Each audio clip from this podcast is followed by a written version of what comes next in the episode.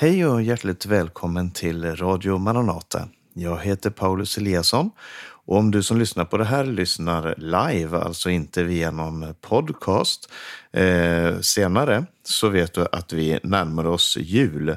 Och jag ska tala idag om hur man kan fira jul som kristen, vad det betyder att fira jul som kristen. Men först så ska vi se lite på huruvida julen ens är en kristen högtid och det ska vi börja med nu.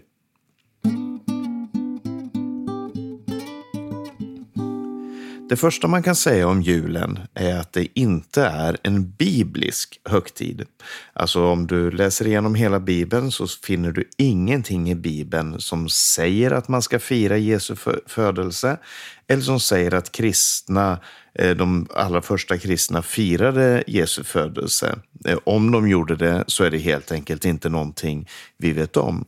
Det närmaste man kommer en biblisk högtid på den här tiden, eh, runt eh, juletider i december, är Hanukka som firades till minne av återinvigningen av eh, templet på under Makabertiden. Och den, eh, eh, den högtiden vet vi att den firades på Jesu tid och den firas än idag runt juletider. Den pågår faktiskt just nu, tror jag, mellan 18 och 26 eh, december som Hanukka firas. Eh, och den, för den följer ju då judisk kalender så den flyttar lite på sig runt omkring i december. Men Hanukka är faktiskt heller inte en biblisk högtid i betydelsen att det omnämns i Bibeln eller att, den, eh, eh, att det finns berättelser om människor som firade den eller att eh, eh, vi uppmanas att fira Hanukka. Eh, det var någonting som hände i den mellantestamentliga tiden efter eh, templets uppbyggande och före Jesu, eh, Jesu födelse. Eh, och det firades på Jesu tid runt den tiden som vi nu firar jul. Men som sagt, det är inte det som det här programmet handlar om. Men så det är inte en biblisk högtid, men frågan är då, är det en hednisk högtid? Det kan man höra ganska ofta när man eh, är på internet eh, idag, både från ateister Ehm, och från kristna som menar att nej, julen ska man inte fira som kristen, eller eh, kristna som menar att man borde inte fira julen som kristen, eller hedningar som menar att det här har kristna bara tagit ifrån eh, hedniska traditioner. Och jag har skrivit en artikel om det här, jag ska inte gå så djupt in i det, men jag har skrivit en artikel om det här på jesaja53.se ehm, där kan du hitta artikeln som heter Julen, hednisk, kristen eller något annat. Eh, men jag ska bara i korthet förklara lite hur jag tänker innan vi kommer in på det som jag, det är det jag egentligen vill tala om idag. För man hör ofta det här argumentet från ateister och ibland från kristna att djurfirandet är kopierat från någon hednisk tradition. Det kan handla om romarnas Saturnalia eller deras Sol Invictus-fest. Det kan handla om druidernas och vikingarnas jul eller midvinterblot eller någon annan tradition. Och tanken är då att kristna, istället för att eh, när, när kristendomen då kom till ett område som när kristendomen började få makt i, i romarriket eller när kristendomen kom till Norden på 1000-talet, eh, så sa man istället för att säga sluta fira era hedniska fester och börja fira våra kristna fester istället, så sa man då eh, att ja, ni kan fortsätta att fira det här, men vi kallar det för någonting annat. Vi kallar det för Sankt Johannes eller vi kallar det för julen eller någonting annat. Eh, och så fyllde man de här traditionerna med kristet innehåll, eh, medan några av de hedniska komponenterna då blev kvar. Det är tanken, det är argumentet. Men det finns inga bevis på att det firades någon romersk, grekisk, egyptisk eller annan fest den 24-25 december innan de kristna menade att det här var Jesu födelsedag. Det fanns midvinterfester i december, men de firades ofta innan den 24. Men varför började då kristna fira jul eller Kristusmässan eh, den 24-25? Jo, det var det att eh, kyrkofadern Hippolytus som ledde på 100-talet efter Kristus, slutet av 100-talet efter Kristus, han menade att Jesus dog på samma dag som Maria blev havande. Eh, och vi vet att Jesus dog i påsken, så han menade att Maria blev havande i påsken. Naturligtvis med 33 års eh, skillnad. Då. Jesus, eh, Maria blev havande Eh, det, det eh, under påsken och så 33 år senare så dog Jesus under påsken. Det var hans tanke. Det finns naturligtvis ingen biblisk eh, grund för att säga att det var så, men det var hans utgångspunkt för att kunna fastsätta ett datum för Jesu födelse. Och det han gjorde då var att han räknade då eh, nio månader från, eh, från eh, påsken Eh, som då inföll runt den 24-25 och kom då fram till 24-25 december. Han kom fram till den 25 december och det är naturligtvis inte så igen så att Jesus nödvändigtvis föddes då. Men de tidigaste indikationerna och berättelserna vi har om när Jesus föddes omtalar det datumet ungefär ett hundratal år efter Eh, efter Jesu födelse och död. Så säg på mitten av hundratalet som, som det här dyker upp första gången. Så julen är inte en biblisk högtid, men det är heller inte en hednisk högtid. Och frågan är, vad är det då? Jo, det är en kristen högtid.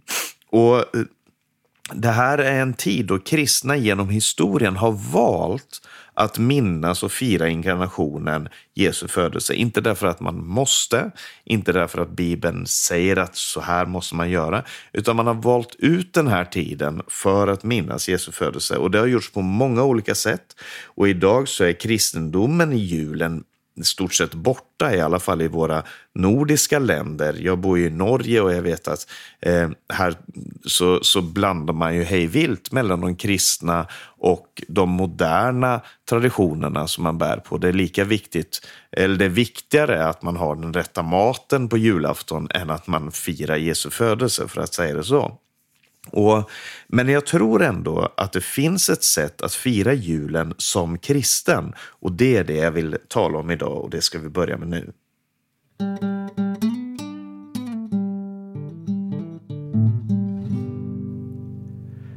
Hur var egentligen den första julen? Ja, det är en anakronistisk fråga att ställa sig för att ingen visste ju att det var jul. Det var ingen som gick runt och sa eh, god jul till varandra eh, år fyra före Kristus då, då Jesus föddes. Nej, eh, ingen visste heller då att det föddes en kung, att Jesus blev född, förutom Josef och Maria och de som då var tillsammans med dem där.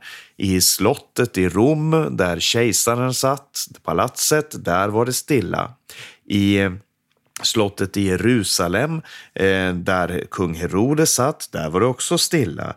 I prästbostäderna, där var det ingen som visste, bland prästerna, bland de, de religiösa ledarna, så var det ingen som visste att Messias var född. Och det var heller inte dit Gud sände sitt bud. För att när Josef och Maria, de, som Bibeln säger, hade kommit till Betlehem för att skattskrivas, de var ifrån Nasaret som ligger längre norr i landet, men de hade kommit till Betlehem för att skattskrivas. Eh, det fanns ingen plats för dem i gästrummet och här jag ska inte gå in i det här, det är, det är ett djupt hål att gå ner i, men vi har ju det här med härberget. Vi tänker oss att de kom till något slags enkelt hotell och fick bo ute i stallet. Det är inte riktigt det Bibeln säger, eh, men det är svårtolkat, det ska sägas. Eh, men hur som helst, eh, det fanns ingen plats för dem, så Jesus föddes och blev lagd i en krubba. Och när en kung föds så skickas det ut härolder. Så, det, så var det på den tiden när en ny, när en ny eh, kronprins, om du vill, hade fötts. Så skickades det ut härolder i hela riket för att berätta vad som hade hänt. Och himlen sände också ut sina härolder, men till lite oväntade människor. Det står så här i Bibeln om du läser julevangeliet ifrån Lukas kapitel 2 står det, i samma trakt fanns några herdar som låg ute och vaktade sin jord om natten.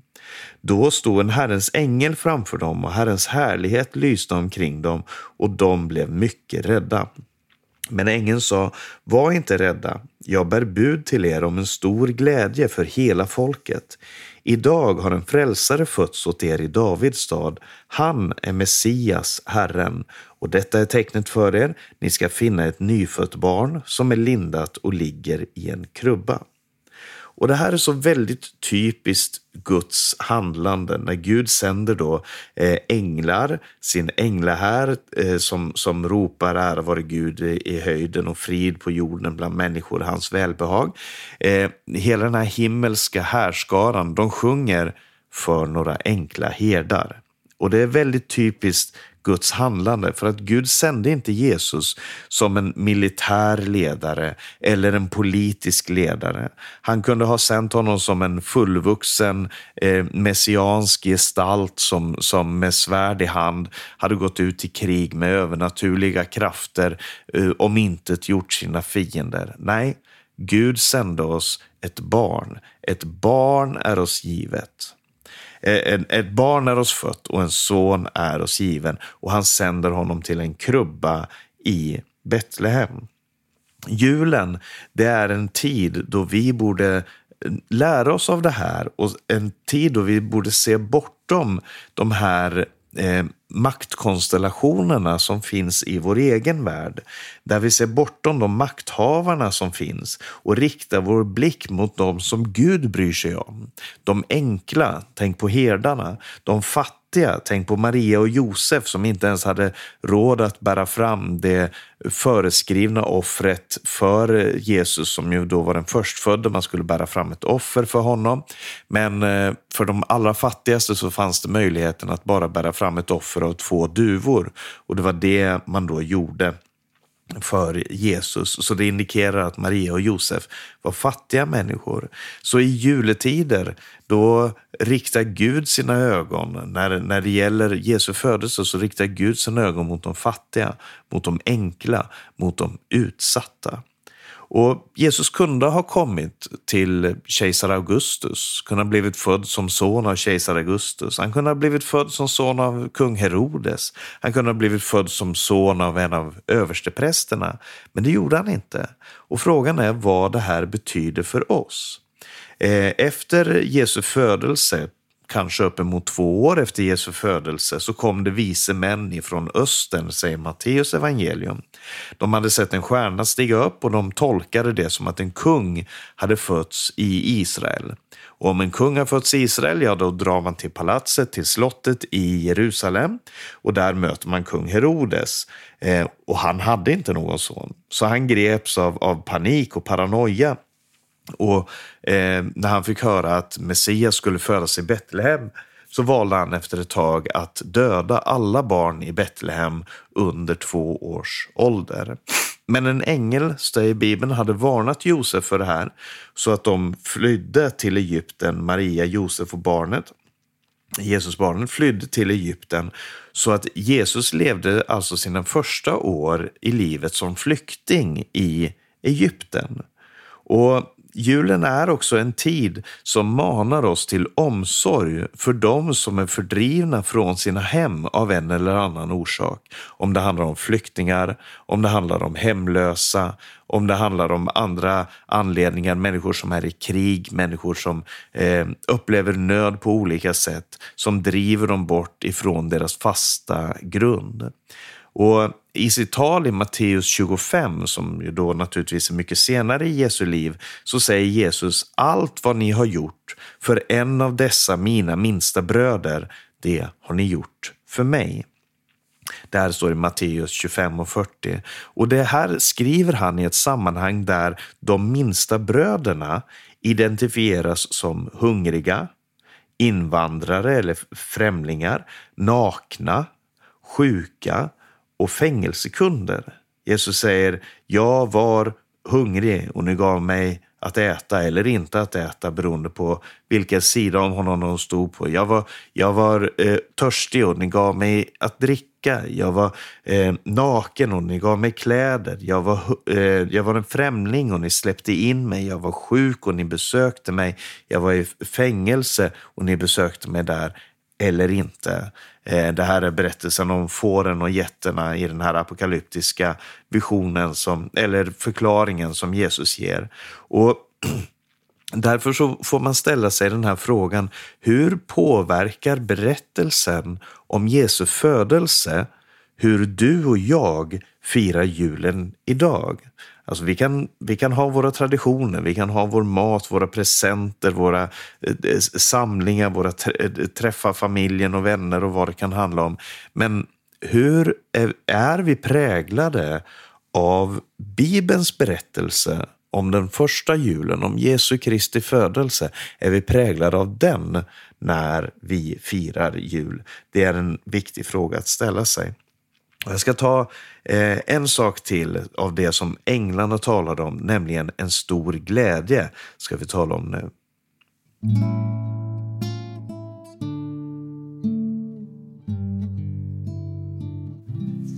För eh, när vi eh, eh, citerade vad, änglarna, vad ängeln sa, det var ju flera änglar som kom, men det var en ängel som talade först och så bröt hela kören in och ropade ut det här. Ära vare Gud i det högsta och frid på jorden bland människor, hans välbehag. Och änglarna, den här ängeln kallade Jesu födsel för en stor glädje för hela folket. en stor glädje. Och det är någonting att tänka på också i juletiden. För då Jesus kom så skedde det en verklig och fundamental förändring i människors liv. I profetian i Jesaja så står det att det ska inte alltid vara mörker, ska inte alltid vara mörker över det land där nu mörker råder. Det ska inte, eh, det, det ska inte alltid ligga ett ok på den förtryckte, utan ett ljus ska bryta fram. Och, och det, ska komma en som kallas för fridsfursten. Väldig Gud, evig fader, fridsfurste. Eh, underbar i råd. Det här är profeti, Gamla testamentets profetia och det här ser vi uppfyllt i Jesus. Eh, och då Jesus kom så, så står det att Sjuka blev helade, förtryckta blev frigjorda där han gick fram och människor tog emot det glada budskapet om Guds rike på jorden. Överallt så skapade Jesu ord och gärningar förundran och glädje. Eh, och Jesus var verkligen en, ska säga, en glädjespridare. Det står i Lukas 5.26 där Jesus just har uppväckt änkan ifrån Nains son, så står det att alla blev utom sig av häpnad och prisade Gud. Och de fylldes av fruktan och sa, det vi har sett idag är ofattbart. Där Jesus drog fram så skedde det ofattbara och människor blev utom sig av häpnad och prisade Gud. I en annan känd berättelse, nämligen den om Sackeus, så står det ju att eh, Sackeus han ville se Jesus, han, han var en kort man, därför klättrade han upp i ett träd. Jesus såg honom där i trädet och sa Sackeus kom ner för idag så vill jag gästa i ditt hus. Och så står det Sackeus skyndade sig ner och tog emot honom med glädje. Det, det, hade brutit in någonting i Sackeus liv och det var glädjen som hade brutit in där. En annan gång så sände Jesus ut sina 70 av sina lärjungar runt omkring i Israel för att de ska förkunna det budskapet som de hade fått höra.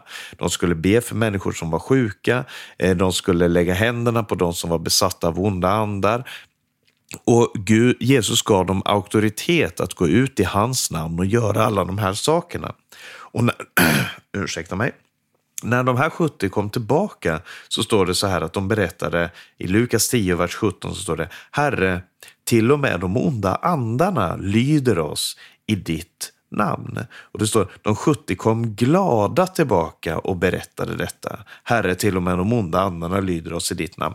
Så det skapade glädje eh, bland de som mötte Jesus. Det skapade naturligtvis också förvirring. Några blev arga, några blev reste sig till motstånd.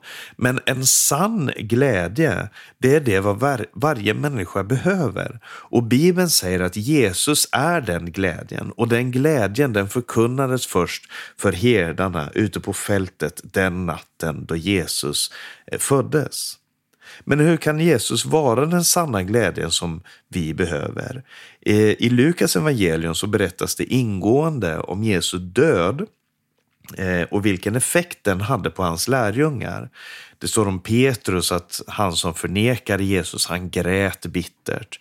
Efter Jesu död så gömde lärjungarna sig för de var rädda för att de själva kanske skulle tor eh, torteras och korsfästas. Eh, några kvinnor förberedde under stor sorg för att, hur de skulle behandla Jesu lik med kryddor och oljor efter att han var död. Det var verkligen mörker och tårar över alla dem som hade satt, sett på Jesus som sitt stora hopp och satt sitt hopp till honom. Så det var en, man kan på många sätt säga att långfredagen var verkligen mörkrets timme och, och, och, och sorgens timme. Men den här sorgen vänds i förundran då de kvinnorna som, som eh, hade förberett sig för att eh, eh, bereda Jesu kropp där, de kommer till Jesu grav på den första dagens morgon, och fann, men fann inte Jesu lik där. Och två män som var där sa att Jesus är inte här, men han är uppstånden som han har sagt. Och den dagen så förändrades allt. Från sorg till förvirring och så till slut till glädje då de fick möta den uppståndne Jesus. Och Lukas evangelium börjar med att änglarna förkunnar en stor glädje, men den slutar med att lärjungarna erfar en stor glädje. En av de sista verserna säger så här, de tillbad honom och vände tillbaka till Jerusalem i stor glädje. Det här uttrycket stor glädje används två gånger i Lukas evangelium. Det är i början när änglarna förkunnar en stor glädje och det är i slutet när lärjungarna erfar en stor glädje. Eh, så när vi säger att julen det är glädjens högtid, och det är många som kan stämma in i det, att ja, det är en glädjens högtid, vi samlas med familjen, vi är glada tillsammans, vi ger gåvor, vi visar vår givmildhet och så vidare. Och det kan vara helt sant, men när vi säger att julen är en glädjens högtid så är det av en speciell orsak och orsaken det är Jesus.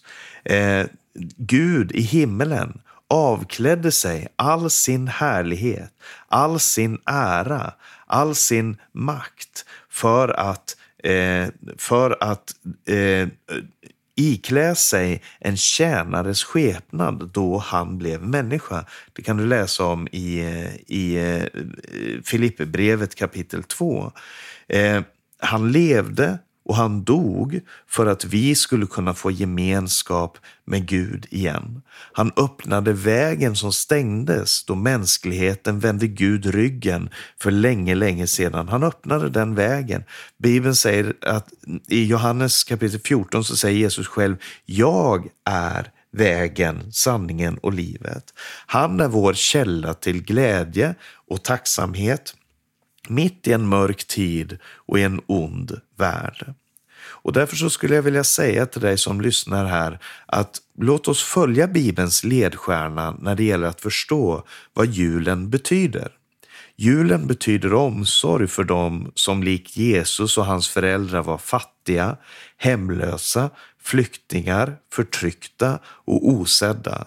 Så fråga dig själv vad du kan göra, hur du kan bidra, vad, vad din församling eller din familj eh, kan, kan göra och, och, satsa på det här. Att eh, verkligen eh, visa Guds omsorg för de här grupperna människor. Har du en granne som är ensam?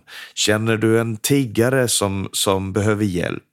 Eh, finns det en, ett missionsarbete som du, som du kan hjälpa och ge till? Finns det något annat av, eh, som, där du kan sträcka ut en hand? Inte till de som har ett överflöd, men till de människor som faktiskt inte har någonting. Och Nöden i världen är stor, nöden i världen är nästan oändlig, men eh, vi kan göra något för någon människa, nå dem med Kristi egen kärlek. Så det är det ena som julen handlar om, som jag har talat om idag. Det andra är att julen betyder glädje och tacksamhet för att Gud själv steg ner till oss människor för att vi skulle kunna ha gemenskap med honom. Därför så riktar vi vår tacksamhet och vår glädje till Gud. Som det står i Filipperbrevet kapitel 4 så gläder vi oss i Herren alltid. Vi väljer att rikta vår glädje och tacksamhet till honom och vi gläder oss över att Gud blev människa. Vi gläder oss över att han blev född i ett stall. Vi gläder oss över att han levde här på jorden, gick omkring, gjorde gott och botade alla de som var under djävulens våld. Vi gläder oss över det faktum att han lät sig pinas, torteras och dödas och hängas upp på ett trä för våra synders skull. Vi gläder oss över uppståndelsen och vi gläder oss oss över livet som vi får leva tillsammans med honom. Det är det som julen handlar om. Det är det som, eh, det är det som jag vill förmedla till dig här idag. Och du kan göra julen antingen till ett kommersiellt jippo, till en eh, högtid där du, där du eh, koncentrerar dig om dig själv. Eh, du kan göra det till en familjehögtid och det kan vara mer eller mindre bra de olika sakerna. Men framför allt så hoppas jag att vi den här julen vill se till honom som blev människa, föddes i ett stall eh, och från stallet till korset levde för att dra dig och mig in i gemenskapen med Gud. Det är det julen handlar om. Det är det jag vill ge dig som hälsningen här idag. Gud välsigne dig.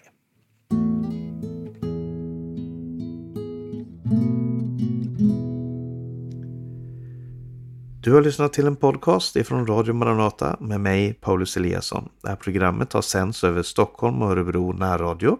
Och sprid gärna det här programmet till andra om du finner det intressant. Vi ska strax lyssna på sången Han och min sång och min glädje som Maranataförsamlingen sjunger. Jag ska bara säga att om du har några frågor eller kommentarer omkring programmet så kan du skicka en e-post till info.maranata.se eller ring 070-201 60 20. På hemsidan maranata.se kan du höra de här programmen, läsa Minasropet, se Radio Maranatas övriga sändningstider och så vidare. Sprid Guds välsignelse till alla du möter. Vi hörs igen om en vecka. Amen.